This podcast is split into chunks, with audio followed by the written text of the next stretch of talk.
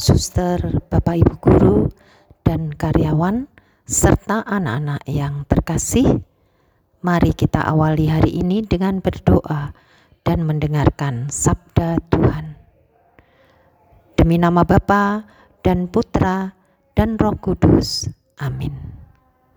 Ya Allah, bersabdalah, hambamu mendengarkan.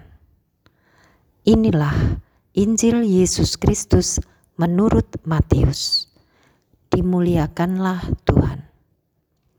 Sekali peristiwa, Yesus mulai mengecam kota-kota yang tidak bertobat.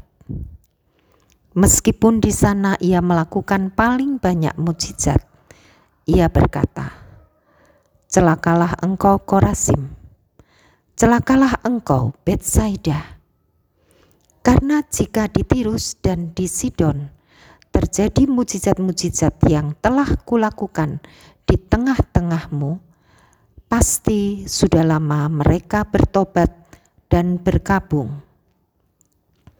Tetapi aku berkata kepadamu, pada hari penghakiman, tanggungan Tirus dan Sidon akan lebih ringan daripada tanggunganmu. Dan engkau, Kapernaum, Apakah engkau akan dinaikkan sampai ke langit? Tidak.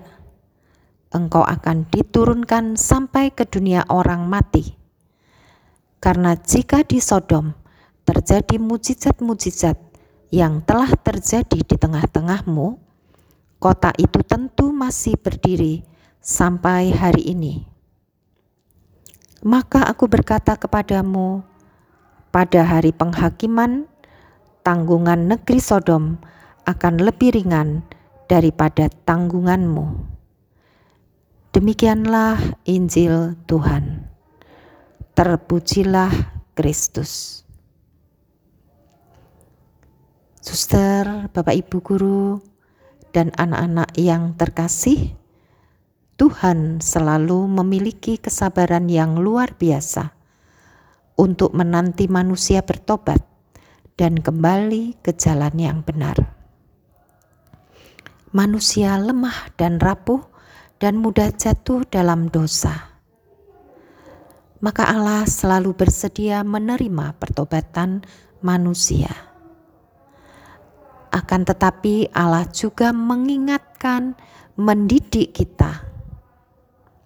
Kesabaran Allah disempurnakan dengan penghakiman terakhirnya oleh karena itu, selama kita masih diberi kesempatan, kita gunakan kesempatan untuk bertobat, menjadi manusia baru, dan mengikuti jalan Tuhan. Marilah kita berdoa. Allah Bapa yang kekal dan penuh kerahiman, Engkau selalu ingat akan orang yang takwa kepadamu Utuslah rohmu untuk membimbingku, agar aku mampu mendengarkan kehendakmu melalui peristiwa-peristiwa hidupku dan mensyukuri rahmat kasihmu. Demi Kristus Tuhan dan pengantara kami, kini dan sepanjang masa. Amin.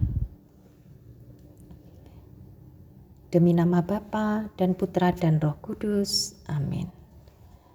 Suster, Bapak Ibu, dan anak-anak yang terkasih, selamat menjalankan aktivitas hari ini. Tuhan memberkati.